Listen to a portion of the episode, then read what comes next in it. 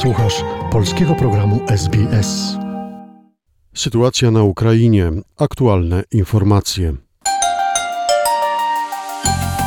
Prezydent Ukrainy Wołodymir Zeleński powiedział, że Rosja przegrała nie tylko bitwę o Charków, ale też swoją przyszłość i relacje z wolnym światem.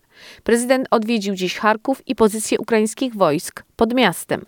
W wieczornym wystąpieniu w mediach społecznościowych prezydent podkreślił, że Charków przeżył straszne ostrzały Rosjan. Wiele budynków mieszkalnych jest zniszczonych i spalonych. Władimir Żeleński powiedział, że podziękował władzom Charkowa za obronę miasta i efektywną współpracę. Oni są i pozostają z mieszkańcami obwodu charkowskiego, z Ukrainą i co ważne teraz, razem jedni z drugimi wojsko, policja, mer Charkowa, obwodowa administracja rządowa, wszyscy rzeczywiście pracują dla zwycięstwa i robią to efektywnie, powiedział prezydent. Poinformował też, że postanowił zwolnić ze stanowiska obwodowego szefa Służby Bezpieczeństwa Ukrainy w obwodzie charkowskim Romana Dudina. Ja przyjechał.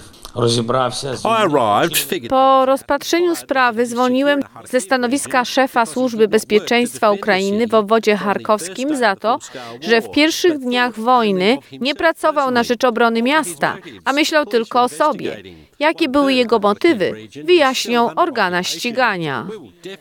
Wołodymyr Żeleński powiedział, że sytuacja w atakowanym przez Rosjan Siewierodniecku jest bardzo trudna. Zniszczona jest tam cała infrastruktura, a 90% budynków zostało uszkodzonych. Prezydent Ukrainy dodał, że zdobycie Siewierodoniecka jest najważniejszym celem wojsk okupacyjnych i poświęcą każdą liczbę żołnierzy, aby go osiągnąć. Ambasador Ukrainy w Polsce Andrzej Deszczyca powiedział, że zorganizowany w Warszawie Marsz Wdzięczności to okazja, żeby podziękować Polakom za pomoc i serdeczność, z jaką Ukraińcy zostali przyjęci w Polsce.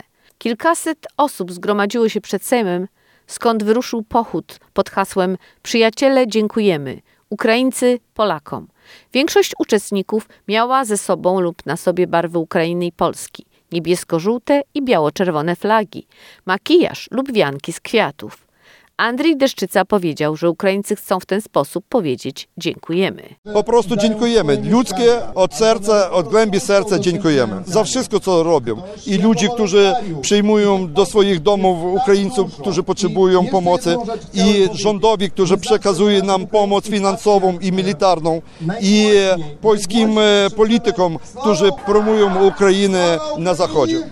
Organizatorka Marszu Wdzięczności Natalia Panczenko podkreśliła, że to kolejna forma podziękowania Polakom za ich wsparcie.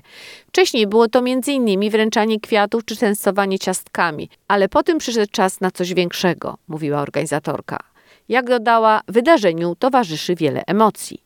Niebiesko-żółty pochód przemaszerował na plac zamkowy, gdzie zorganizowano duży koncert.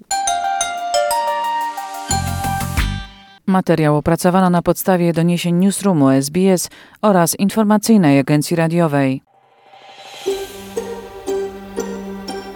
Zainteresowało Cię?